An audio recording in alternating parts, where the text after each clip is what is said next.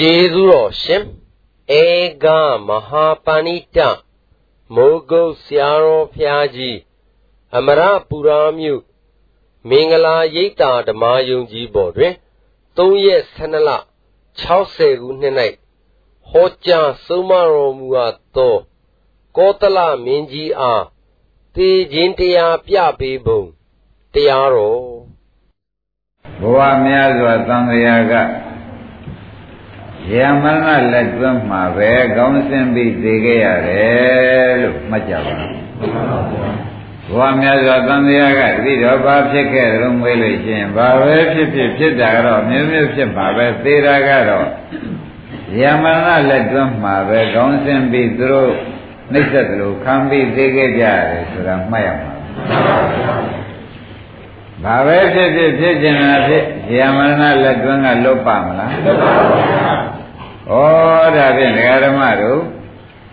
ကျတော့ဒီကားလို့ဆိုလို့ရှိရင်ပြင်ဒီဘဝကမကောင်းလို့ဟိုဘဝပြောင်းလဲဇာမရဏလက်တွင်းကောင်းစင်အပ်ဖို့ပဲ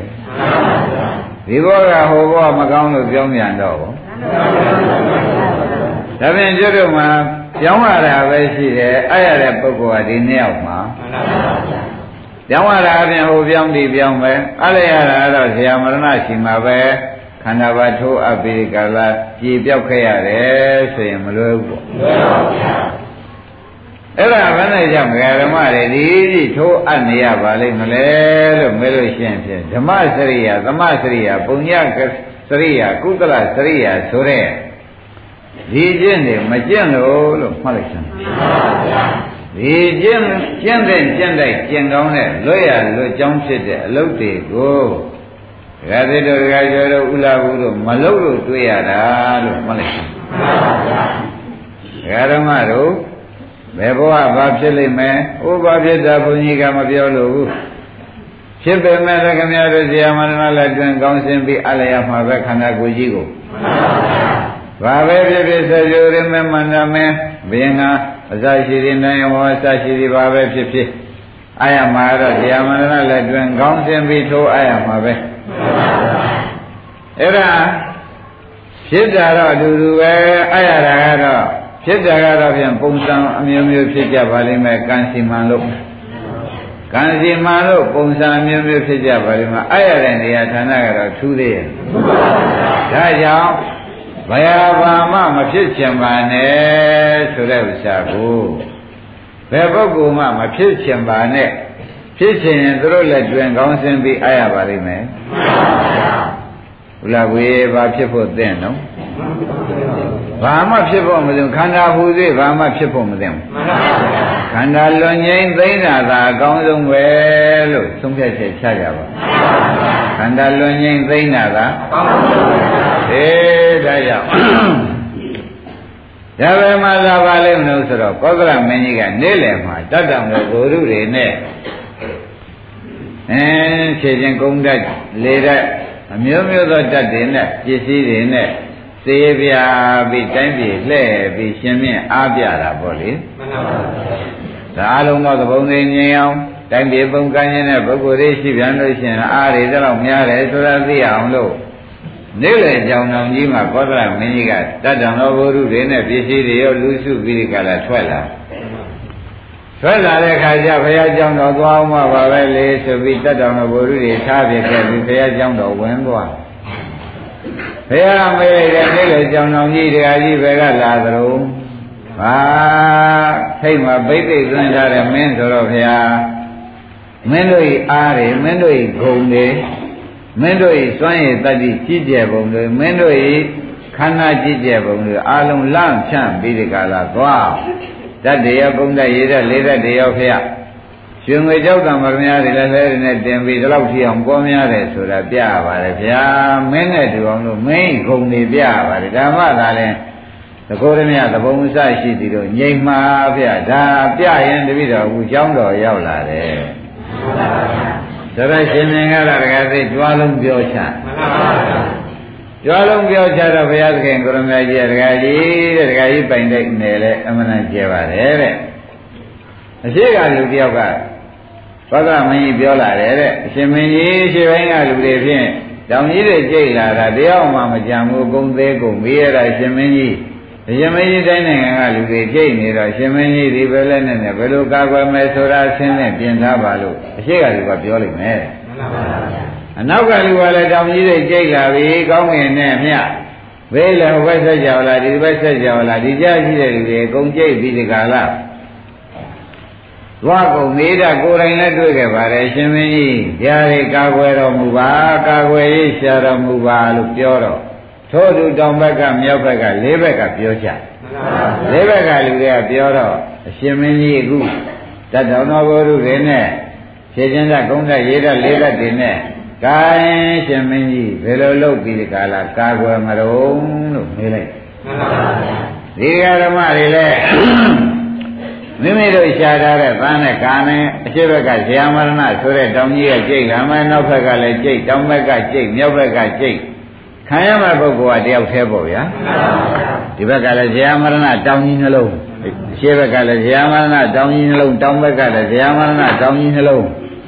အနောက်ဘက်ကလည်းဇေယမရဏတောင်ကြီးနှလုံးကြားမှာဒီကဒကာရမရိသောခန္ဓာ၅ပါးနေရဒါတောင်ကြီးလေးလုံးလှည့်လဲပိဋကလာသူတို့ကြပြိုင်နဲ့ကြပြိုင်နဲ့လာကြိတ်လို့ရှိရင်ဖြင့်ဒီလေကပုဂ္ဂိုလ်တကယ်သက်ခန္ဓာရည်ရှိပါမလားမရှိပါဘူးဗျာမရလည်းစမ်းမှာပဲကြည်ပြပိဋကလာဆုံးရှုံးခြင်းတို့မရောက်ပါဘူးဒီလိုလဲဘုန်းကြီးတို့ဓမ္မတွေအမေရိပေတွေကိုလည်းကြိတ်သွားကုန်ပြီနော် သားရသမီးတွေလည်းကြိတ်မယ်လို့လာနေပြီမိမိကိုလည်းကြိတ်မယ်လို့လာနေပြီဗျာမရဏတောင်ကြီးလေးလုံးကလေးဘက်ကညှပ်ပြီးဒီကလာထောပေါက်မရှိအောင်ကြိတ်နေတဲ့အထဲမှာဒကာဓမ္မတွေဘယ်လိုရှောင်းလို့ဘယ်လိုကွင်းလို့ဘယ်လိုပြေးပေါက်ရှာရမလဲဆိုတာယခုအချိန်စဉ်းစားဖို့အချိန်ပြည့်အကြီးဆုံးရောက်တဲ့အချိန်ပဲဆိုတာသေချာစဉ်းစားပါသဘောပါကြ လာနေပြီနော်ဒကာဓမ္မတို့အရှိဘကတောင်ကြီးကလည်းဒကာဓမ္မတို့ဆရာမရဏတောင်ကြီးကလည်းခန္ဓာကိုယ်ကြီးကြိတ်ထားတာတော်တော်လေးကိုပဲအသားရည်အဆင်းတွေပြက်ကုန်ပြီအနောက်ဘက်ကတောင်ကြီးကလည်းလာရဲ့အနောက်ဘက်ကရှိတဲ့လူတွေအကုန်ကြိတ်တာပဲတောင်ဘက်ကလာတဲ့တောင်ကြီးကလည်းတောင်ဘက်ကရှိတဲ့လူတွေအကုန်ကြိတ်ပြီးဒီကလာမြောက်လာနေတာပဲမြောက်ဘက်ကတောင်ကြီးကလည်းတဲ့ မြောက်ဘက်ကလူတွေအကုန်ကြိတ်ပြီးတောင်ဘက်လာနေတော့ဘယ်သူများကြံရဲ့ဆရာရှိသေးလဲဒါကသက်စဉ်းစားမိဘူးလားစဉ်းစားဘူးအဲ့တော့အရှင်မင်းကြီးကောသလမင်းကြီးအရှင်မင်းကြီးကတော့တတ်တော်ဘုရုတွေနဲ့ပစ္စည်းတွေနဲ့မင်းတို့ဤအားပြရတယ်မင်းတို့ဤစွမ်းရည်တတ္တိပြရတယ်လို့ဆိုတော့ဒီလိုပဲအရှိဘက်ကလူကလာပြောမယ်နောက်ဘက်ကအရှင်မင်းကြီးကာကွယ်ပေးပါလို့ဆိုလို့ရှိရင်ဖြင့်ရှင်မင်းကြီး ကိုယ်လည်းရှင်မင်းကြီးကာကွယ်ပါတိုက်သူပြည်သားလည်းကာကွယ်ပေးပါဆိုရင်ရှင်မင်းကြီးဘယ်လိုတတ်နိုင်မလဲလို့ဘုရားမေးလိုက်တယ်။ဒါရင်ဒကာဓမ္မတွေပဲစဉ်းစားပါတော့တတ်နိုင်ကြအကြောင်းမြင်သေးရဲ့အဲကောသလမင်းကြီးကသူကြွားလုံးထုတ်လိုက်တော့ဘုရားသခင်ကိုရမကြီးကဒီတောင်ကြီးလေးလုံးချိတ်ပွဲထဲမှာသင်္ဒီကားလို့ဆိုလို့ရှိရင်ဘယ်လိုလုပ်ပြီးတတ်တော်တော်ဘုရုတွေနဲ့ကုန်းတက်ရေးတက်လေးတက်မန္တန်တွေမန္တရားတွေနဲ့ဘယ်လိုလုပ်ကာကွယ်မလို့လို့မေးလိုက်တယ် ဘယ်လိုမှကာကွယ်လို့မရဘူးခင်ဗျာတဲ့တပည့်တော်ကာကွယ်လို့ရတယ်နေလျှောက်ရမှာဖြင့်ဓမ္မစရိယာဆိုတဲ့အကျင့်တစ်ခုပဲကြံတော့တယ်ပေါ်ကြပေါ်ပါဘူး။ဒါရင်ဘုန်းကြီးတို့ဓမ္မတွေလည်းဘာနဲ့ကာကွယ်ကြမလဲဓမ္မစရိယာဆိုတာဓမ္မကတရားစရိယာကကျင့်ရမှာနော်။တရားကျင့်လို့ကျင့်ဖြင့် ခန္ဓာဇသိငြိမ်းသွားတဲ့အခါတောင်ကြီးတွေသူတို့ကသူတို့ကျန်တဲ့လူလာကျိတ်เสียရှိတယ်ဓမ္မစရိယာပုဂ္ဂိုလ်ကျင့်เสียကျိတ်เสียရှိသေးရဲ့လားရှိပါဘူးဒါကြောင့်အာလုံးတရားနာလာကြတဲ့ဓမ္မတွေတောင်ကြီးဘွဲမှာနှွဲခဲ့လို့သေဘောဝင်ခဲ့ရတာတွေကဖြင့်ဖြင့်ဒီမြေကြီးတွေကကျွတ်တို့အသာယုတွေပဲလို့ပဲသုံးပြချက်ချပါတော့ကျွတ်တို့အသာယုတွေဇာမရဏဘွဲထဲမှာပဲနှွဲလို့ အလောင်းတွေမြုပ်တဲ့မြေတွေပဲဆိုတာမှတ်လိုက်ပါဒါဖြင့်ကျွတ်တို့တောင်ကြီးတို့သေဒီလိုသေးလို့မြေကြီးကြည့်ပွားရေးဖြစ်ပြီးဒီကလာနေခဲ့တဲ့ဘဝတွေကသာများပြီးဒီကလာနေတာဓမ္မစရိယာဆိုတဲ့အကျင့်ကျွတ်တို့မကျင့်ခဲ့လို့ တောင်ကြီးပွဲမှာကြီးသေပွဲဝင်ခဲ့ရတယ်။နတ်ပြည်နဲ့ဒီတောင်ကြီးလေးလုံးကကြည့်ရပဲ။ဇမပြည်မှာရောကြည့်ရပဲငါလူပြည်မှာရောနေပါကပဲလေးပုံမှာရောတိုင်းဒါဖြင့်ဘုရားခင်ကိုရမကြီးအရှင်ကောသလမင်းကြီးသင်ဒီလိုလေးပဲလေးတန်ကလူတွေကပြောကြပြီရှင်မင်းကြီးကာကွယ်ပေးပါဗျာစောင့်ရှောက်ပေးပါဗျာဆိုသင်ပန်းနဲ့လုံးမလုံးလို့မေးလိုက်တယ်ဓမ္မစရိယာနဲ့သမစရိယာပဲရှိတော့တယ်ဗျာ ဘုံညကရိယာဘုံညစရိယာကုသလစရိယာဆိုတဲ့မင်းညာဘုံညာအရလို့ဖို့ပဲရှိတာပဲတက်ပြင်တော့ပြင်လွေရေးကျွရေးမမြင်ပါဘူးခင်ဗျာလို့လျှောက်လိုက်သဘောကျကြဒါပြင်ဘုန်းကြီးတို့ဓမ္မတွေလည်းဒီတောင်ကြီးတွေကတော့ပြန်ပြီးပြီးလာနေကြတယ်ဘာမှမအားကိုကြမလို့ ဒါပေဓမ္မစရိယာမှတပါးကိုးစားရမရှိဘူးနော်ပစ္စည်းနဲ့ကာကွယ်လို့ကောအင်းသာသမီထိုးအပ်လိုက်လို့မရဘူးမရဘူးကိုကိုယ်စရာမရဏကကိုယ်ကြိတ်နေတာဖြစ်တော့သာသမီနဲ့သူ့တောင်နဲ့သူကြိတ်ရဲ့အမေမိဘမှာလဲဘူးလားဘူးရဲ့ဒါဖြင့်ဓမ္မစရိယာအလုံးမှတပါးကိုးစားရမရှိပါဘူးလို့ကောသလမင်းကြီးကလျှောက်တဲ့အတိုင်း ဘုန်းကြီးတို့ဓမ္မတွေမှာလည်းဓမ္မစရိယာအလုပ်ကိုပဲဆရာဘုန်းကြီးကခေါင်းဆောင်တယ်ခင်ဗျားတို့ကလည်းတောင်ကျိတ်သိသေးခဲ့ရတာဒီမြေကြီးနဲ့မျှခန္ဓာကိုယ်ရိုးသားတွေကမြေကြီးတွေဖြစ်ကုန်တာလဲသိပြီးသားဖြစ်နေတော့ဒီတောင်ကျိတ်ပွဲဘယ်လိုလွတ်နှွဲအောင်လွတ်လွဲအောင်လုပ်ရပါမလဲလို့မေးလိုက်တဲ့အခါကျတော့ဓမ္မစရိယာပဲအဖြေထွက်လာဓမ္မစရိယာဆိုတာတရားဓမ္မလို့တရားကျင့်ဖို့ပါပဲ ဘာလို့ကြတရားကျင့်တဲ့အခါကျတော့ဖြင့်တရားကျွဲဥလာဘူးလို့လွတ်ပါတယ်နော်တရားကျင့်လိုက်တဲ့အခါကျတော့ရှင်ဖြင့်ဒီခန္ဓာလိုခြင်းကြောင့်တဏှာကိုတခန္ဓာကြီးကိုလည်းဒုက္ခသစ္စာမှသိလို့နောက်ထပ်မလိုခြင်းနောက်တော့မလို့ခြင်းတော့ခန္ဓာလာပါခန္ဓာလာမလာတော့ဇာမရဏတောင်နှလုံးကဘယ်သွားကြိတ်ဩဒါဖြင့်တရားကျင့်မှဓမ္မစရိယာအလုပ်ပဲ ကိုးစားရအထာရအစ်စ်ရှိပေတော့တယ်ဆိုတာဖြင့်ဒကာကျော်ဒကာသေးဥလာဘူးလို့ဆုံးဖြတ်ချက်ချပြီတော့ဘာသုမှမတောင်းလိုက်ပါနဲ့တောင်ကြီးခွဲခန္ဓာထိုးအားရလိမ့်မယ်ဆိုတာကမှတ်လိုက်ပါတော့ဘာသုမှမတောင်းကြပါနဲ့နော်လူဖြစ်ရပါလေနတ်ဖြစ်ရပါလေဓမ္မဖြစ်ရပါလေဆိုတာတောင်းကြီးခွဲမှာကိုယ်ကိုယ်တိုင်ကြိတ်နှွဲပြီးဒီကလာ သေဘွယ်ဝင်ရပါလို့ဤဆိုတာအတူတူပါပဲဘယ်တော့များဆိုရတယ်ဆိုတာပေါ်လာကြဓမ္မတို့ကိုမသိပေမဲ့လည်းဒါကြီးဟာအခုအမြင်သားဖြစ်နေတော့ဟိုဘက်ကလူကြီးသေးချာပဲဘာဖြစ်လို့အိုနာဇေယမရဏနဲ့ပဲသေသွားတာရှေ့ဘက်ကလူကြီးသေသွားတာရောအနောက်ဘက်ကလူတွေသေတာရောအာတောင်ကျိတ်လို့သေတာကြီးပါလားတကားကျွေး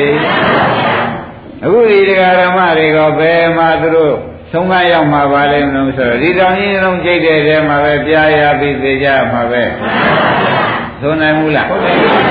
အဲ့တော့ဘာပဲအားကိုးကြမလဲဆိုတဲ့ဥစ္စာသေသေးချာချာမှတ်ကြပါဘာအားကိုးရမလဲဓမ္မစရိယာဆိုတဲ့တရားကျင့်တဲ့လုပ်ပဲတကားရွေအားကိုးရရှိတော်တယ်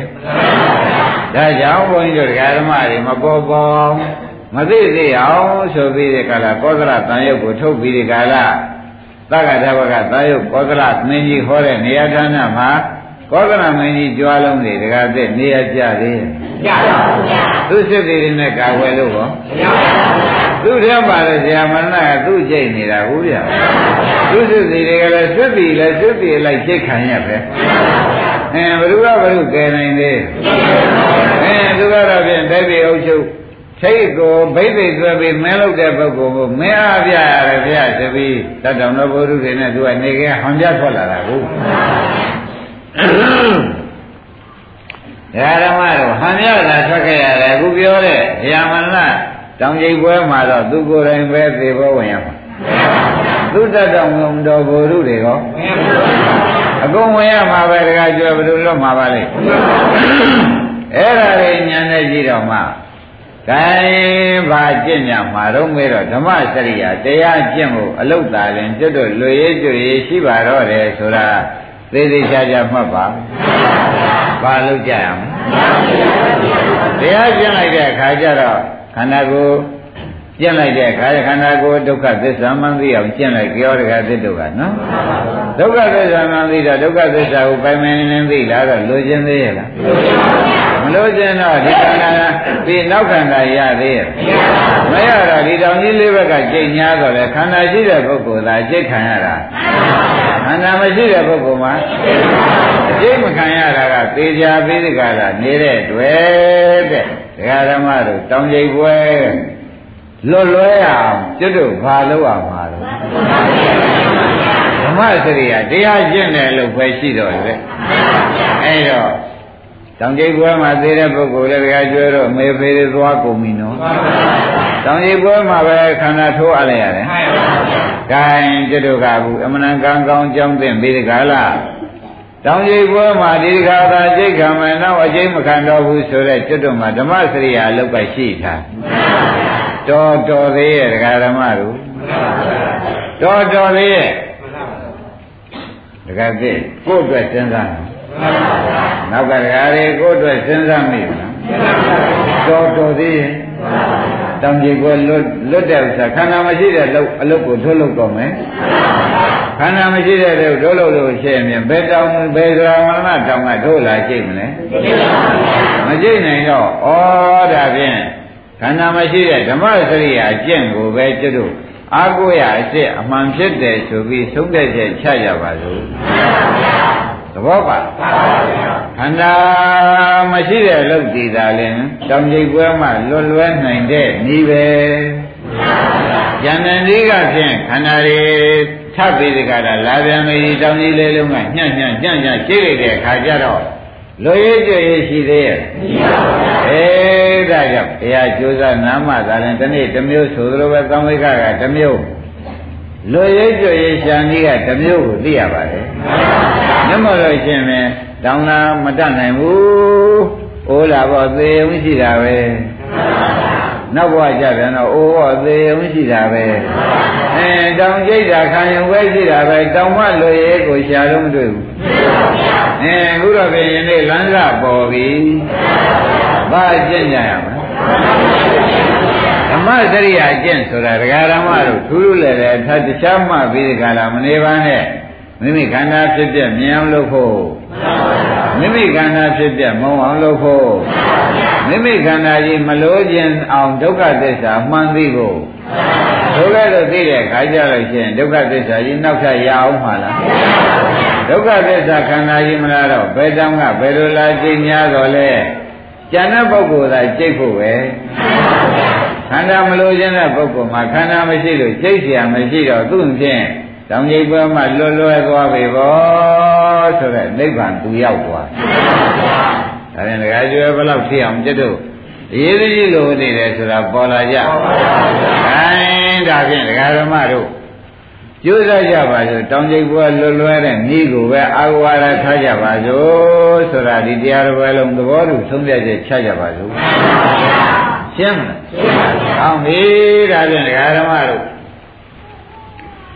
တောင်ကြီးကလွယ်လွယ်တဲ့နည်းကိုဖြင့်ပြောကြပါစို့လို့ဆိုတော့ဓမ္မစရိယာလို့ဓမ္မကတရားစရိယာကကျင့်ရမယ်တရားကျင့်တဲ့အလုံးမှာတော့ခိုးခိုးရအာထာရတောင်ကြီးပွဲမှာလွယ်လွယ်တဲ့နေရာမရှိနိုင်ဘူးဆိုတာဧကံသိတကယ်သိပြီးဒီကလာယနေ့ဖြင့်ဓမ္မစရိယာအလုပ်ပဲကိုသားလေးတောင်မကျိတ်စေရင်ဓမ္မစရိယာအလုပ်တိုက်တွန်းမဟာကိုသမီးလေးဖြစ်ပါတယ်ခင်ပါတယ်ဆိုလို့တောင်ကျိတ်ပွဲမှာလွယ်လွယ်အောင်ဆိုလို့ရှိရင်ဘယ်လိုခိုင်းကြရမလဲ ကိုယ်ကိုသနာပါတယ်ကိုယ်ကိုကရုဏာရှိပါတယ်ဆိုရင်လည်းဘာလို့ရမလဲဓမ္မစရိယာပဲကျင့်ရမယ်ဆိုတာသဘောကျအဲကိုယ်မိတ်ဆွေသင်္ဃတွေလည်းသနာပါတယ်လို့ဆိုလို့ရှိရင်တောင်ကြီးပွဲမှာလွယ်လွယ်တဲ့ဓမ္မစရိယာနည်းကိုပဲခင်ဗျားတို့တိုက်တွန်းကြဖို့ပဲပေါ်ကြပေါ်ပါပါဗျာ။ခိုင်းဒါဖြင့်ဒကာဓမ္မတို့ဓမ္မစရိယာကိုပြကြပါစို့။မှန်ပါဗျာ။ ဓမ္မစရိယာပြတော်မယ်ဒကာဓမ္မတို့လွတ်တဲ့နည်းပြတော်မယ်ဆိုတော့ခொနကပြောခဲ့တာကသံဝေကလို့မှတ်ပါ။ဩမလွတ်ရတာမဟုတ်ပါဘူးလွတ်ရလည်းရှိသေးပါလားဆိုတာပေါ်လာ။ဘုရားများဆိုသံဃာကဒီလိုဆရာကောင်းနဲ့လည်းမတွေ့တရားဓမ္မတွေကလည်းနှီးကလည်းကိုကိုယ်တိုင်ရှားဖို့ကလည်းသာယသမီးစီးပွားရေးကရေးကြည့်နေတာနဲ့မရှာတာ ကြာတော့ပြန်တော့လဲသမင်ညနဲ့တွေ့နေပြန်လို့ရှိရင်တကားတဲ့မရဘူးအခုတော့ဖြင့်ခါရလည်းကောင်းခမရတို့ကံကလည်းအစွမ်းကုန်ကောင်းတဲ့အခါဆရာသမားကလည်းကောင်းကောင်းမွန်မွန်နဲ့ကျုံတဲ့အခါဖြစ်နေသောကြောင့်ဩဘဝကံတရာတောင်ကြီးပွဲမှာပြားနဲ့သိခဲ့ရတာကြီးပဲဒီတကားဖြင့်ဓမ္မစရိယာအလုပ်လုပ်လို့ရှိရင်မသေးဘူးတဲ့ဆိုတဲ့ဥစ္စာဘုရားကမဲလို့ဘောဂလမင်းကြီးကပဲဖြေထားဖို့ပဲ ဒါကြောင့်လူကဖြင့်ပုဂ္ဂိုလ်မရွေကြိတ်တာလေဧကံသိတကယ်သိဖြစ်နေသောကြောင့်ဓမ္မစရိယာအလုပ်ကလုပ်ကြပါစို့ဘာလုပ်ကြမလဲဒါဖြင့်ကိုယ်ကိုယ်သနာတဲ့ဘာလုပ်ရမလဲအဲကိုယ်သာသမီတွေသနာတဲ့ ကိုယ်ခင်မောမဝိချက်မြတ်နိုးပါလေဆိုရင်ဟောဒါပဲတိုက်တွန်းကြရမယ်။ဒါရင်ဒါဖြင့်တရားတော်ပဲလုံးတရားဓမ္မတို့ကိုသာသမီကိုခင်မောကိုခင်မောယောက်ျားကိုတူသားနောင်မယ်မြည်ဆွေမျိုးညာတကားတွေကိုအကုန်သနာလို့ရှိရင်ဖြင့်ဟေးဓမ္မစရိယာမတော်ကဲမဲ့ယူမဲ့လူမရှိဘူးဓမ္မစရိယာမတော်ကဲမဲ့ယူမဲ့လူမရှိဘူးဆိုတာသေးသေးချာချာမှတ်ပြီး ကိုယ်ကိုယ်လည်းတိုက်တွန်းပါတော့ရှင်းမလားရှင်းပါပြီအဲဖြစ်ခေရင်းနေတဲ့ပုဂ္ဂိုလ်တွေလည်းတိုက်တွန်းရမှာပဲဆိုတော့ကုကောသလမင်းကြီးမှာတတ်တယ်လို့ဘုရုတွေနဲ့ကြည်စည်းတွေနဲ့ထွက်လာလိုက်တဲ့ဆိုမတတ်နိုင်ပါဘူးဖေရလို့ရှော့ရတာပဲဓမ္မစရိယာမှတော့ကျန်တာဘာမှမတတ်နိုင်ဘူးဖေရလို့သူကိုယ်တိုင်တောင်းဆင်းခံလိုက်ပြီအဲဒါကြောင့်ဘုန်းကြီးတို့တရားဓမ္မတွေဘာပဲအကုရအဖြစ်ရှိပါလိမ့်များ တကယ်ကျွသိရေးကြည့်လို့ပြောနေပါတယ်အင်းတရားဓမ္မတွေကသမင်းညနားနဲ့မထောင်နဲ့လို့တရားပြဘုန်းကြီးကပြောတာအသားယူပြောတာလားဟုတ်ပါဘူးဒီတောင်ကြီးတွေကလိမ့်လိမ့်လာပြီးကြကျိတ်တော်မယ်ဓမ္မစရိယာကိုယ်ကလက်ကင်မရှိသေးလို့ရှင်းဖြင့်ဒီတောင်ကြီးဘောမှာသိရလို့ရှင်တောင်ကြီးလို့သိရပါတယ်ဆိုတော့သရဗျာတိမရဏနဲ့သိရတယ်ဆိုရဲကိုက အင်းနာလာကြီးရဲ့ကြိုက်လိုက်ကြီးရဲ့ခဲခဲလိုက်ကြီးရဲ့ဆိုဒေါမနကနဲ့သိပြီးပုဂ္ဂိုလ်တစ်မျိုးဖြစ်အောင်ပါပုဂ္ဂိုလ်တစ်မျိုးဖြစ်ရင်ဟိုတောင်ကြားသွားဖြစ်တာပဲဒီတောင်ကြားရလို့ပြီးဟိုတောင်ကြားပဲသွားဖြစ်တော့ဘာထူးသေးအဲ့ဒါတွေသေးသေးချာချာသိတော့မှာဩငါတို့ရေးဒီကားလို့ဆိုရင်ဖြင့်ဒီတောင်လေးလုံးကြားကလွရေးကျွေရဓမ္မစရိယာလုတ်ပဲလို့ဘုရားကလည်းဟောကောသလမင်းကြီးကလည်းထောက်ခံချက်ပေး ဒကာသာကျွေကြံတဲ့ဘာငေါဆက်တွေကလည်းမကဲနိုင်ဘူးဗျာအိမ်လေးတိုက်တွေကရောမကဲနိုင်သူတို့လည်းအကျိတ်ခံရဘူးဗျာတိုက်တွေလည်းအိုးရက်ကားတွေလည်းအိုးရက်ပစ္စည်းတွေကလည်းအိုးရက်ကိုဗျာသူတို့ကလည်းတောင်ကြီးပွဲတွေကတောင်ကြီးပွဲတွေခံနေရတာပဲအဲ့တော့ကိုဟာကိုထားတယ်တောင်ကိုကြိတ်နေတော့ကိုယ်လည်းကြိတ်ခံရဆိုတော့ဘယ်သူကအန္တရာယ်ကင်းလို့ဘေးချင်းသေး ကိုင်းဒါပြန်အန္တရာယ်ကင်းလို့ဘေးချင်းတဲ့ဤကဖြင့်တရားဓမ္မတို့ဓမ္မစရိယာမှတပါမရှိပါဘူးတဲ့ဘာလဲတော့ပေါ်ကြပြီနော်ကိုင်းဒါနဲ့ဓမ္မစရိယာပြကြပါစို့တဲ့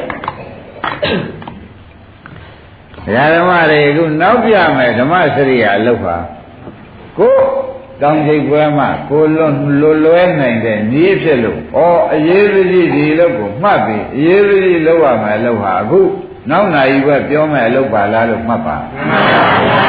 အရင်နိုင်ဘက်အခုနိုင်ဘက်သိသွားပြီအရင်အခုနိုင်ဘက်ပြောခဲ့တာကခမရတော့မသိလို့ခေါ်ပြောတယ်နောက်နိုင်ဘက်ပြောမှသိပြီးသားမို့ယုံကထွက်ရမယ်အရင်နိုင်ဘက်ပြောခဲ့တာက ဟောခင်ဗျားတို့ကဘာမှမသိဘူးတောင်ကြိတ်တောင်နေလာနေပြီဆိုတာလည်းမသိဘူးလည်းဒီလွေကျွေလည်းမရှာတော့မသိတာကလွန်နေလို့မသိတာသိအောင်ပြောတာနောက်နိုင်ပဲပြောမှကသီရိသပုဂ္ဂိုလ်ကြီးလွေကျွေရှောင်းနီးတိန်နီးပြတာပါလွေကျွေရှောင်းနီးတိန်နီးပြတာပါလို့သိချာမှတ်ပါကဲဘယ်လောက်အရေးကြီးတော့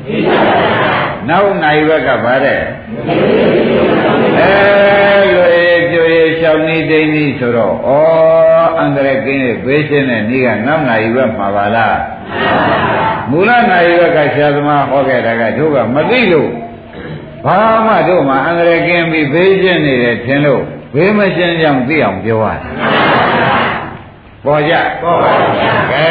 ဒီဝိဆရာကိစ္စတော့ရှောင်းဤဒိနီလိုနီတွနီကိုဖြင့် သေးသေးချာချာပြပါတော့မယ်သေချာပြတော့မယ်ဆိုတော့ဒကာဓမ္မတို့ရှင်သာရိပုတ္တရာနဲ့ရှင်ကွတိလကမေးတယ်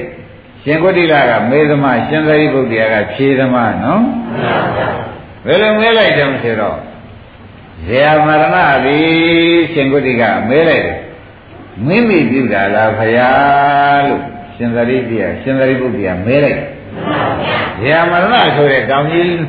နှလုံးဟာဘုရားမိမိပြုလို့ဖြစ်တာလားလို့မဲလိုက်အဲ့ဒါရှင်သာရိပုတ္တရာမဟုတ်ပါဘူးကွာသဘောကျဒါဖြင့်ဗျာဒီဇေယမရဏသူတော်ဘာပြုလို့ဒီတောင်ကြီးတွေဟာဖြစ်ပြီးတပည့်တော်အကျိတ်ခံရတာလားလို့မဲလိုက်ကြတယ်ဒီလိုမဲတော့လည်းဘယ်နဲ့တော့ ဒါဖြင့်တရားမရဏဒီကတောင်ကြီးတွေဒီကားလို့ဆိုလို့ရှိရင်တပည့်တော်တို့ကြိတ်တာမိမိသူတော်ဘာနှုတ်သားပြုလို့အကျိတ်ခံရတာလားဒီလိုတော့မဟုတ်ဘူးလေနော်ဒါပြန်သူ့ဟာသူပေါ်ပြီးသူ့ဟာသူကြိတ်ချင်လို့ကြိတ်နေတာပဲလားလို့မဲလိုက်ပြန်မဟုတ်ပါဘူးတဲ့ဒကာဓမ္မတို့ဇေယမရဏဆိုတဲ့တောင်ကြီးကြိတ်ကွဲဒီကားလို့ဆိုရင်မိမိကြောင့်မိမိပြုလို့လို့မိမိကြိတ်တယ်လို့လည်းမဆိုပါနဲ့ သူတော်ဘာပြုလို့လို့ကိုကြိတ်ခံရတယ်လို့လည်းမိမိသူတော်ဘာနှုတ်သားပေါင်းပြီးဒီကရကြံစည်လို့မိမိကြိတ်ခံရတာဟောဟာအလိုလိုလာကြိတ်နေတာပဲဆိုရင်ဟောမဟုတ်ပါဘူးရှင်ခွေရိကရဆိုပြီးရှင်သာရိပုတ္တရာက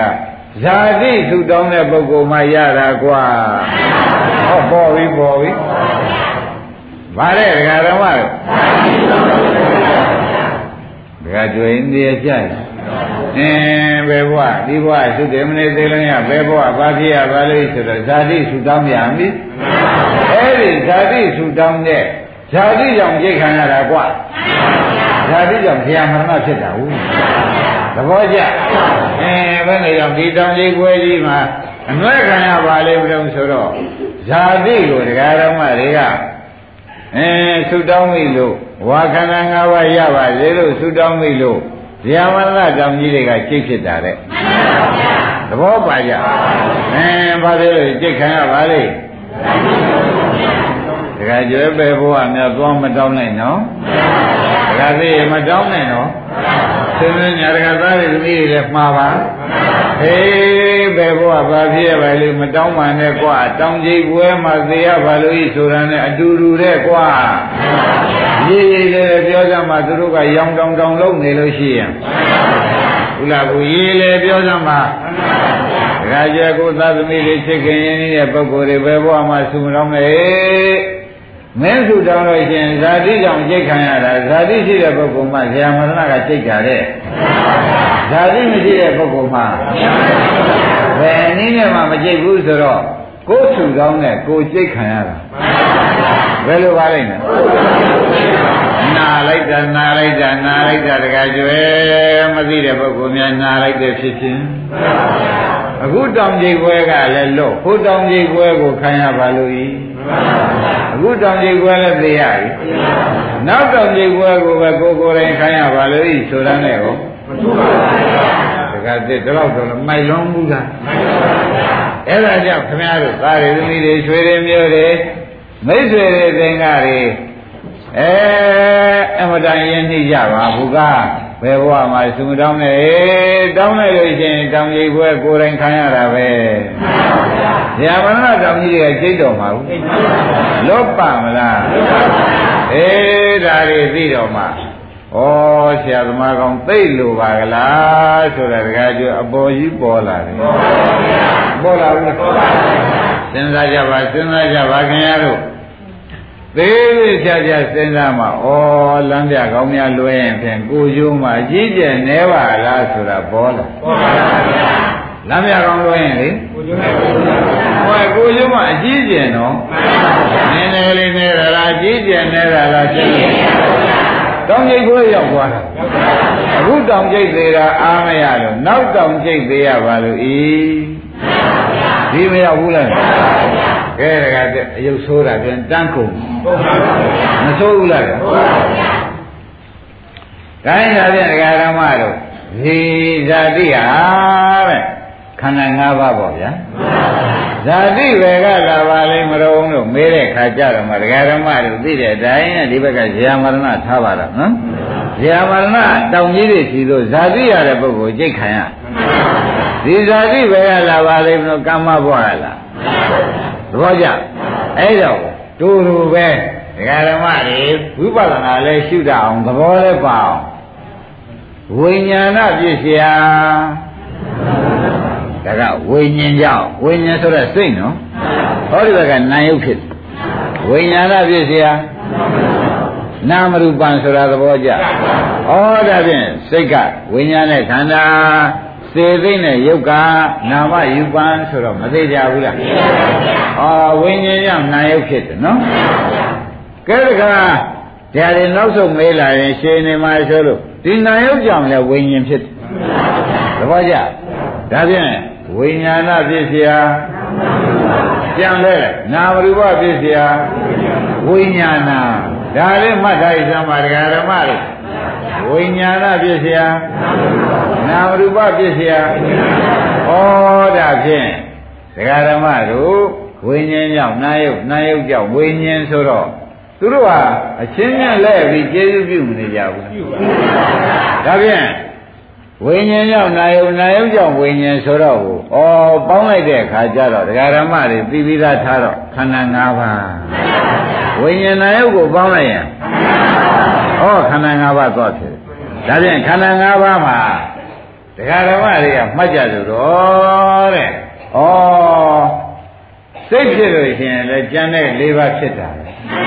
ကြံတဲ့၄ပါးဖြစ်ရင်လည်းစိတ်များပြည့်သွားရင်ဉာဏ်နဲ့လေးပါးကြံရုံမှာ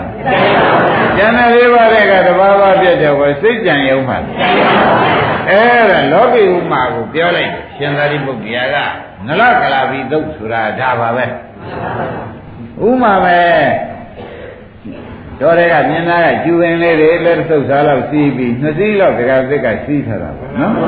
ဒီပြီးအပြားလေးချင်းတည့်ပြီးဒီကလာအရင်ကခါကားကထောင်ထားလိုက်တာပေါ့ဒါတတိဆွဲလိုက်ရင်တတိကနေပါနေပါဗျာငါကတတိကတတိမင်းနေတာဒီမှာလဲထုံနေတူပဲတဲ့ခန္ဓာ၅ပါးတပါးပြက်လို့ရှိရင်လည်းကြံတွေပြက်တာပဲတပါးပြက်လို့ရှိရင်အဲ ငခုဆိုင်နေရင်ဒီနေတာပဲတခုပြက်သွားရင်ကြံတာတွေကဒါဖြင့်ဒကာဓမ္မတို့တဲ့ဒီခန္ဓာ၅ပါးကြီးဖြစ်ပျက်ကိုကျွတ်တို့မြင်ကြည့်ရတယ်ဒီခန္ဓာ၅ပါးကြီးဖြစ်ပျက်ကိုဒီခန္ဓာ၅ပါးကြီးဖြစ်ပျက်ကိုကျွတ်တို့ အဲနာယဝိညာဉ်တဲ့နာမရူပဖြစ်เสียဝိညာဏဝိညာဏဖြစ်เสียနာမေပံပါဠိလိုတော့ပေါ့ဗျာကျွတ်တို့သိပြီးသားတဲ့သွန်းလိုက်တော့ခန္ဓာ၅ပါးပြန်ရောက်ဩဒီခန္ဓာ၅ပါးကြီးပြည့်စည်ပုံကိုမြင်အောင်ပြနိုင်တဲ့ပုဂ္ဂိုလ်မောင်းအောင်ပြနိုင်တဲ့ပုဂ္ဂိုလ်ပါပါလိမ့်ဓမ္မရိကပုဂ္ဂိုလ်တော့ရှင်းသွားပြီဓမ္မနုပတိဒီတရားကျင့်တဲ့ပုဂ္ဂိုလ်ဆိုတာတော့ဘာလို့ လို့မဲလိုက်ပြန်နေရှင်ကုဋ္ဌိကကနော်ဒါကဓမ္မရိကတော့ဖြင့်ဒီကဏ္ဍ၅ပါးကြီးတစ်ခုလဲရောအကုန်လဲတာကိုဟောလို့ဒကာဓမ္မတွေကကျင့်နိုင်ပါမူကားသိအောင်ဟောနိုင်ပါမူကားဓမ္မရိကကြီးစွမ်းရည်အကောင်းဆုံးပဲသဘောပါကြဒါဖြင့်တရားနာတဲ့ပုဂ္ဂိုလ်ဘက်ကတော့ဒီခန္ဓာ၅ပါးကြီးတစ်ခုပြည့်ရင်အကုန်ပြတ်တာဆိုတာညာနဲ့မြင်အောင်ကြည့်နိုင်လို့ရှိရင်ဓမ္မနုဓမ္မပฏิပတ်တိပုဂ္ဂိုလ် မြင်ဟောနိုင်တဲ့ပုဂ္ဂိုလ်ကဓမ္မအဓိကမြင်အောင်ကြည့်နိုင်တဲ့ပုဂ္ဂိုလ်ကဓမ္မနိဓမ္မနုဓမ္မပฏิပတ်တိပုဂ္ဂိုလ်သဘောကျမြင်ဟောနိုင်တဲ့ပုဂ္ဂိုလ်ကမြင်အောင်ကြည့်နိုင်တဲ့ပုဂ္ဂိုလ်ကသဘောကျအဲ့ဒီတော့ဒီခန္ဓာ၅ပါးကိုကြည့်ပြီးဒီကရကာယမဲ့ဖြင့်လိုချင်တရားရခြင်းများမရှိပါဘူးဆိုပြီးဒီကရ ဒုက္ခပိုင်းခြားပြီးဒီကရသူ့ဘောဆွဲလန်းတဲ့ဥပါဒံချုပ်အောင်ကျင့်နိုင်တဲ့ပုဂ္ဂိုလ်ကယခုဘဝနိဗ္ဗာန်ရမယ်ပုဂ္ဂိုလ်ဒါပြန်ဥပါဒံပြုတ်အောင်ကြည့်နိုင်တဲ့ပုဂ္ဂိုလ်ကဗါတဲ့ဗျာဒိဋ္ဌဓမ္မနိဗ္ဗာန်ပုဂ္ဂိုလ်တဲ့တခါကျွေရဒါသရဏသံယုတ်နိဒာနာဘကသံယုတ်ပါဠိတော်လို့မှတ်လိုက်သမှာနော်ဒါပြန်ခန္ဓာ၅ပါးတစ်ခုပြည့်တစ်ခုပြည့်တာကို ဒကာဓမ္မတို့မြင်အောင်မောအောင်ဟောနိုင်တဲ့ပုဂ္ဂိုလ်ဘာဆိုကြမလဲဒါမြင်တယ်မုန်းအောင်ဟောလို့တရားဓမ္မတွေကလည်းမြင်မုန်းတဲ့ကျင့်ကိုကျင့်နိုင်ကြလို့ရှိရင်ဗါတဲ့ဓမ္မနုဓမ္မပฏิပတ်တိပုဂ္ဂိုလ်ခမည်းတော်ဘက်ကနော်ဂိုင်းဓမ္မနုဓမ္မပฏิပတ်တိပုဂ္ဂိုလ်ဖြစ်ပါပြီတဲ့ဒီခန္ဓာ၅ပါးကိုဤကဲ့သို့မြင်သောကြောင့် သူ့ကိုပြမလို့ခြင်းပါဘူးမရခြင်းပါဘူးမဆွဲလန်းတော့ပါဘူးကြောက်ကျင့်နိုင်တဲ့ပုဂ္ဂိုလ်ကဒိဋ္ဌဓမ္မနိဗ္ဗာန်ပုဂ္ဂိုလ်ဘယ်လိုမှတ်ကြမလဲဒိဋ္ဌဓမ္မနိဗ္ဗာန်ပုဂ္ဂိုလ်ဆိုတာသဘောကျအဲဒီမှာသေချာဟောထားသောကြောင့်ငါဒီဘုရားနိဗ္ဗာန်မှာရပါမလားဆိုတာဖြုတ်ချာဩငါဒီဘုရားမတို့ကပါရမီကနည်းနည်းဆရာသမားကလည်းဟောရှာပါရဲ့ ဒုက္ခပါရမီကနည်းနည်းဖြစ်နေတယ်လို့ဒီလိုမယူပါနဲ့စဉ်းစားကြည့်လေဘုန်းကြီးဘက်ကလည်းတခုပြည့်ရင်အကုန်ပြတ်တယ်တခုပြည့်ရင်အကုန်ဖြစ်တယ်ဆိုတော့ဖြစ်ပြက်ကိုမြင်အောင်ဟောနိုင်လို့မုံအောင်ဟောနိုင်အောင်မုံအောင်ဟောနိုင်ရင်ပါတယ်လို့ခင်ဗျားတို့ကလည်းဖြစ်ပြက်ကိုမြင်အောင်မုံအောင်ကျင့်နိုင်ရင်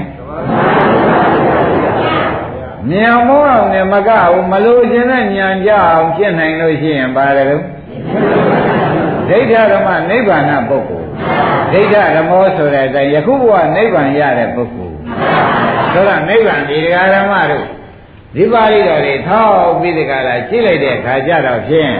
ယခုဘဝနိဗ္ဗာန်မှာရပါမလားဆိုတော့အိုးမလို့ကြအောင်သာကြည့်နိဗ္ဗာန်ရတာပဲမလို့ကြအောင်သာကြည့်ရပါ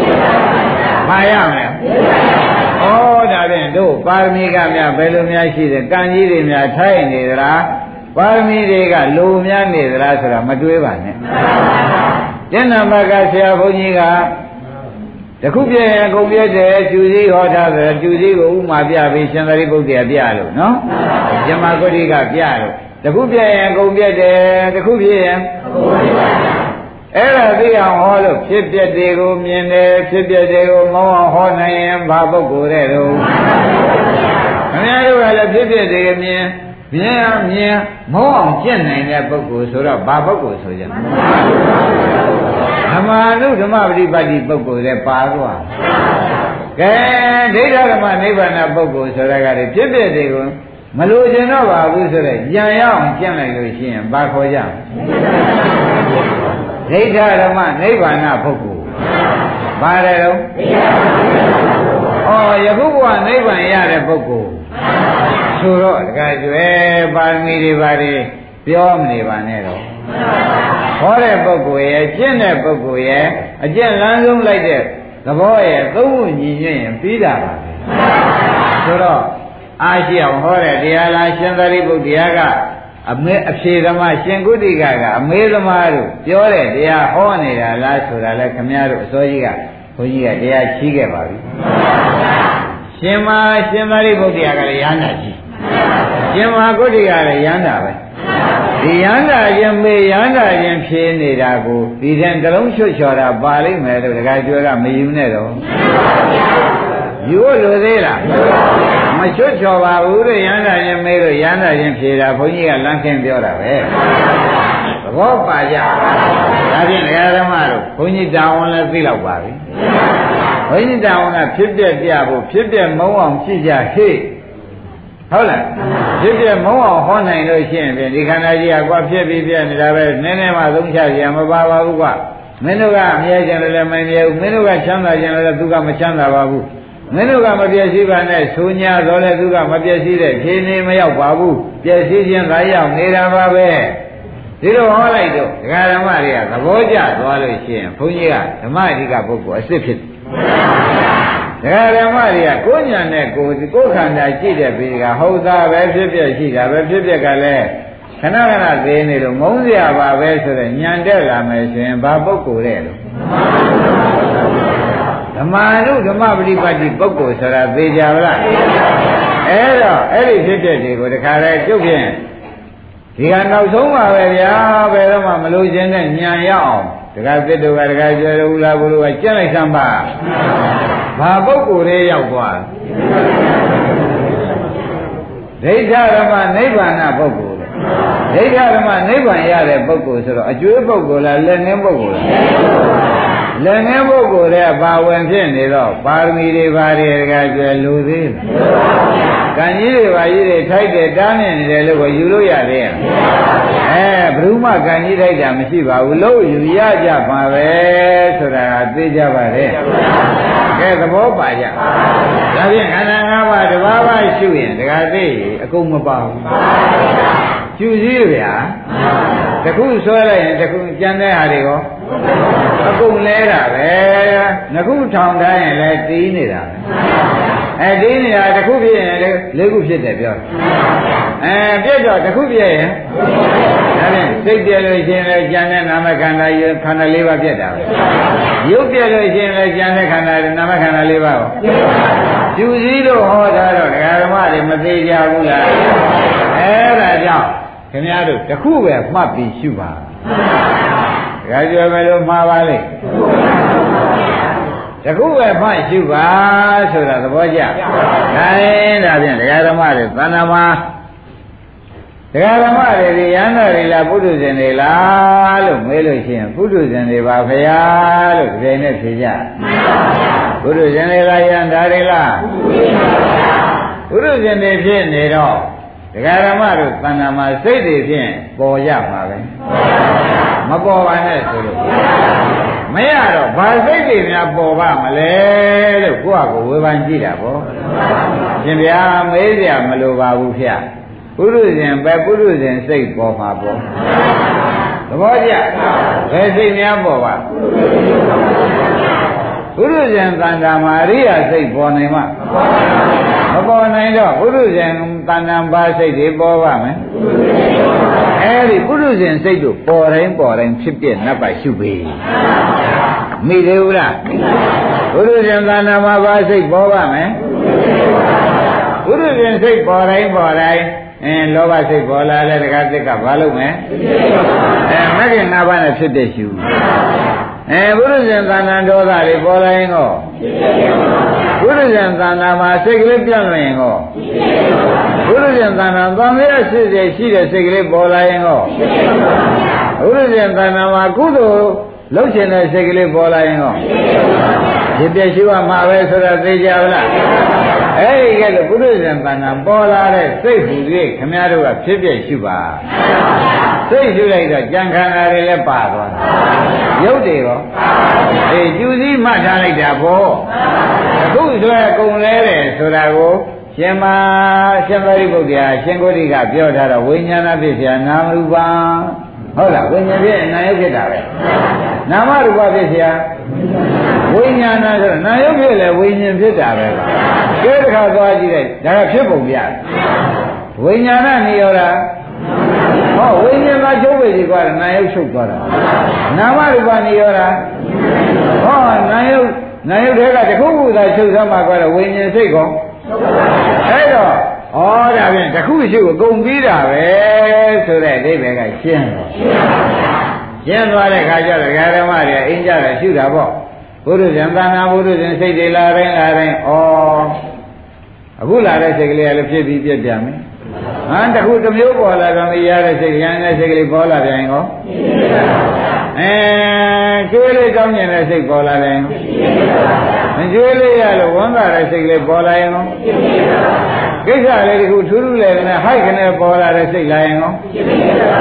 အဲဒီတော့အကုန်သာဖြစ်ပြက်လိုက်နေလို့ရှိရင်ပြန်နာယုတ်တွေအကုန်လဲတာမလဲဘူးလားအဲ့ဒီကနာယုတ်တွေအကုန်လဲတဲ့ခါကျတော့တခါစစ်တို့ကအင်းရှုပါများမုံဝမှာဘူးရှုပါများရင်မမုံပါနဲ့ဆိုလို့ဘ ယ်နည်းနဲ့မှမရဘူးမမုံပါနဲ့ဆိုလို့ဘယ်နည်းနဲ့မှမရဘူးသဘောပါကြအဲ့ဒီကဲလို့မုံလာတဲ့ခါကျလို့ရှိရင်ဖြင့်တဲ့ဩဒီဥစ္စာခန္ဓာ၅ပါးအမြဲတမ်းသိနေတာမြင်တော့ကိုယ်သေးကိုမြင်တဲ့ကိုယ်ဒုက္ခကိုမြင်တာမလားပဲခန္ဓာ၅ပါးတတပါးသေးတော့ကုန်သေးတာဟုတ်ရအဲတခုပြတော့၅ပါး၄ပါးပြတ်တယ်လို့ ပေါင်းလိုက်တဲ့၅ပါးပြက်ပဲမကြဘူးလားအဲ့ဒါလေး၅ပါးပြက်ကိုတရားဓမ္မတွေကညာနဲ့ကြည့်ပြီးဒီကလာနေတဲ့ချိန်ကြတဲ့ခါကျတော့ဩဒုက္ခသစ္စာဖြစ်ပါလားခဏခဏမွေးခဏခဏသေနေတာပါလားခဏခဏခန္ဓာ၅ပါးဖြစ်ပြီးခဏခဏခန္ဓာ၅ပါးသိနေတာပါလားဆိုတော့ကိုယ်သေးဒုက္ခကိုမြင်ပါလိမ့်မယ်ဘယ်လိုမြင်မှာပါလဲ ကိုယ်သေးဒုက္ခကိုမြင်လာလိမ့်မယ်နော်အဲ့တော့ယောဂီပုဂ္ဂိုလ်ညာနဲ့တော့တဘာမြင်တယ်အကုပ္ပါတယ်လို့ကမှတ်လိုက်တယ်ဗောမြင်တော့တဘာပဲမြင်မှာပဲသေတာကတော့တပြုံကြီးမြင်တာကတော့သေတာကတော့တပြုံကြီးဆိုတာ၅ပါးစလုံးပေါ့အဲ့ဒီကဲလို့တရားဓမ္မတွေမှာမြင်မြင်မြင်မြင်လာတော့ညာလည်းအခုဆရာဘုန်းကြီးရဲ့ရှေ့ကဟောထားပြီအဲတရားဓမ္မတွေအသိမြင်ပြီဆိုတော့ ဩဒီဒုက္ခအကြီးဆုံးပါလားလို့ရွှေရမတ္တနဲ့ညံထက်လာတယ်ဒီဒုက္ခအကြီးဆုံးပါလားလို့ညံထက်လာတဲ့အချိန်ကျတော့ဒကာသေးဒီခန္ဓာ၅ပါးကြီးကပျောက်ထွက်တယ်အဲကပျောက်ထွက်သွားတော့ဘာလဲဆိုတော့ဒီခန္ဓာ၅ပါးလည်းပျောက်သူ့ထဲပါတဲ့ဇေယမရဏရောဟာတောင်ကြီးတွေလည်းပျောက်အဲသင်္မဲလည်းပျောက်သေဇေယလည်းပျောက် အဲဘယ်လိုများပျောက်ပါလဲသေမင်းလည်းပြောက်သေကြလည်းပြောက်ခန္ဓာထဲမှာဇရာမရဏလည်းခန္ဓာမှမရှိတော့ဇရာမရဏရှိသေးရဲ့။ဩသေမင်းမမြင်တဲ့နေရာသေမင်းမရှိတဲ့နေရာကိုယ်တိုင်တွေ့ဖလို့မလာဘူး။ဒါဖြင့်ခန္ဓာပြောက်တဲ့နေရာဒီဇရာမရဏတောင်ပြောက်တဲ့နေရာ။ဒကာကျော်သိဖို့တတ်မှာအဲမနာဖို့တတ်တယ်ဒီနေ့ဒကာဓမ္မတွေဒီတရားကို အမြဲလက်သုံးထားကြပါတဲ့တပတ်ပြည့်အကုန်ပြည့်ဒါလည်းသိရတယ်ဒီတောင်ကြီးတွေကြိတ်ပွဲမှလည်းတောင်ဖို့ပြောက်သွားတယ်ဇာမဏတောင်ကြီးရှိသေးရဲ့အကျိတ်ခံမဲ့ခန္ဓာကိုဩတောင်ကြီးပွဲရောအကျိတ်ခံတဲ့လူရောပြောက်တဲ့နေရာရှိပါသေးလားဆိုတာညာနဲ့ရှင်းပေါ်ညာနဲ့ရှင်းပေါ်ပြီးဒီကလာလာတော့ဩအဲ့ဒါကနိဗ္ဗာန် ဟုတ်လားမြင်တာကမဲ့ညာဘုံညာပြစ္ဆကနာညာလို့ဆိုတာသဘောကျအဲ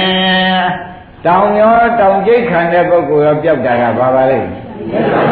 အဲမြင်တာကမဲ့ညာဘုံညာပြစ္ဆကနာညာအဲဒါဖြင့်ဒီမဲ့ညာဘုံညာပြစ္ဆကနာညာဒီတက္ကသစ်တို့တက္ကကျွဲတို့ဥလဘူးတို့ဓမ္မစရိယာဆိုတာသူပဲ သဘောပါကြဓမ္မစရိယာဆိုတာဓမ္မကိုကျင့်လိုက်တဲ့တွေ့တဲ့ခொနဲ့ကဓမ္မတွေကိုမြင်အောင်ကြည့်လိုက်မဟုတ်အောင်ကြည့်လိုက်သုံးအောင်ကြည့်လိုက်တဲ့ဓမ္မစရိယာအကျင့်ကျင့်လိုက်တာနဲ့ပဲတောင်ပြောက်ပါတယ်အသေးတွေကိုတောင်လဲအသေးတွေကိုဩဒါဖြင့်တကယ်သိဘုရားမြတ်စွာသံဃာကတောင်ကြီးပွဲမှာကြီးခန္ဓာကိုယ်ထိုးအပ်ပြီးဒီကလာ သေဝဲကြီးဝင်ခဲ့ရတဲ့ဥစ္စာဒီညာမျိုးမရတော့ပါလားဘုလားဝီရှင်းမလားရှင်းပါပါဒါဖြင့်ဒီညာယနေ့ဒီထူးထူးခြားခြားဆရာဘုန်းကြီးကအဲတောင်ကြီးပွဲနဲ့ဒီရှင်မကတ္တဝရှင်မအဲရှင်သာရိပုတ္တရာရှင်မဂေါတိကတို့မဲပြေကန်းနဲ့ညှိပြီးဒီကလာဟောလိုက်တော့မှဩတောင်ပြောက်ပြီးဒီကလာခန္ဓာပါပြောက်တဲ့ကျိတ်เสียခန္ဓာလည်းမရှိကျိတ်တတ်တဲ့တောင်လည်းမရှိ ခန္ဓာတစ်ခုပြောက်တော့အကုန်ပြောက်တယ်ဇေယမရဏဒီကခန္ဓာလည်းကျမ်းနေသေးခန္ဓာပြောက်ပေါ့ဇေယမရဏဘာမပြောက်ဘူးလားအဲ့ဒါလေးသေချာစဉ်းစားကြည့်တော့မှဩတောင်ကြီးပွဲလွတ်လွဲတဲ့နေရာဒီနေရာပါလားလို့သုံးပြချက်ချတယ်မချနိုင်ဘူးလားဒါဖြင့်တောင်ကြီးပွဲလွတ်လွဲတဲ့နေရာကနိဗ္ဗာန် မြင်တဲ့မဲ့ညာဖုန်ညာပြစ္ဆကရဉာဏ်တွေကဓမ္မစရိယာအကျင့်သဘောကျအဲ့ဒီဓမ္မစရိယာအကျင့်ကျင့်လိုက်တော့ဒီဘက်ကနောက်လာမဲ့သဒ္ဓဥပါဒံကံစားတိတွေကိုလာသေးရဲ့ဇာတိမှမလာပဲနဲ့နောက်ကြရာမရဏတောင်ကြီးပွဲကျွတ်တို့နှွဲကြကမရှိတော့တရားဓမ္မတွေဒါပြီးခொနဲ့ကရှေးကတောင်ရောခန္ဓာတောင်ကျိတ်ခံရမဲ့ဘတ်တော်ဟာပျောက်သွားတာကနိဗ္ဗာန် ဒီကမြင်ရတာကမဲ့ညာဖုန်ညာပြစ္ဆကနာညာတို့ကမဲ့ညာဒီဘက်ကဇာတိဆိုတဏှာဥပါဒံကံဇာတိမလာတာတွေကသမုဒိယချုပ်တာဘုဘကဇေယမန္တတွေတောင်တွေပါနောက်လာမဲ့တောင်တွေပါကျွတ်တို့အတွက်ဖြူပြီးသားပြောက်ပြီးသားဖြစ်တာဒီခန္ဓာမရှိသည့်နောက်မှာရမယ်အနုပါရိတေကနိဗ္ဗာန်ဆိုတာကသဘောကျဒါပြန်ရာပြီကျွတ်တို့ဒီ တောင်မရှိအောင်ကျင့်ဖို့အရေးကြီးတောင်ကျိတ်ခံတဲ့ခန္ဓာပါပြောင်းအောင်ကျင့်ဖို့အဲဒီလိုကျင့်ပြီးတဲ့ပုဂ္ဂိုလ်ကဓမ္မစရိယာအထမြောက်သောကြောင့်ဘယ်ခါကာလမှာတောင်ကြီးပွဲမှာဖြင့်ခန္ဓာကိုယ်ထိုးအပ်ရတဲ့ပွဲမဖြစ်တော့ပါဘူးဆိုတာတစ်ဖြစ်ကြမှာပါရှင်းကြပါလား gain ဒီနေ့ဒီရင်တော့ကြလို့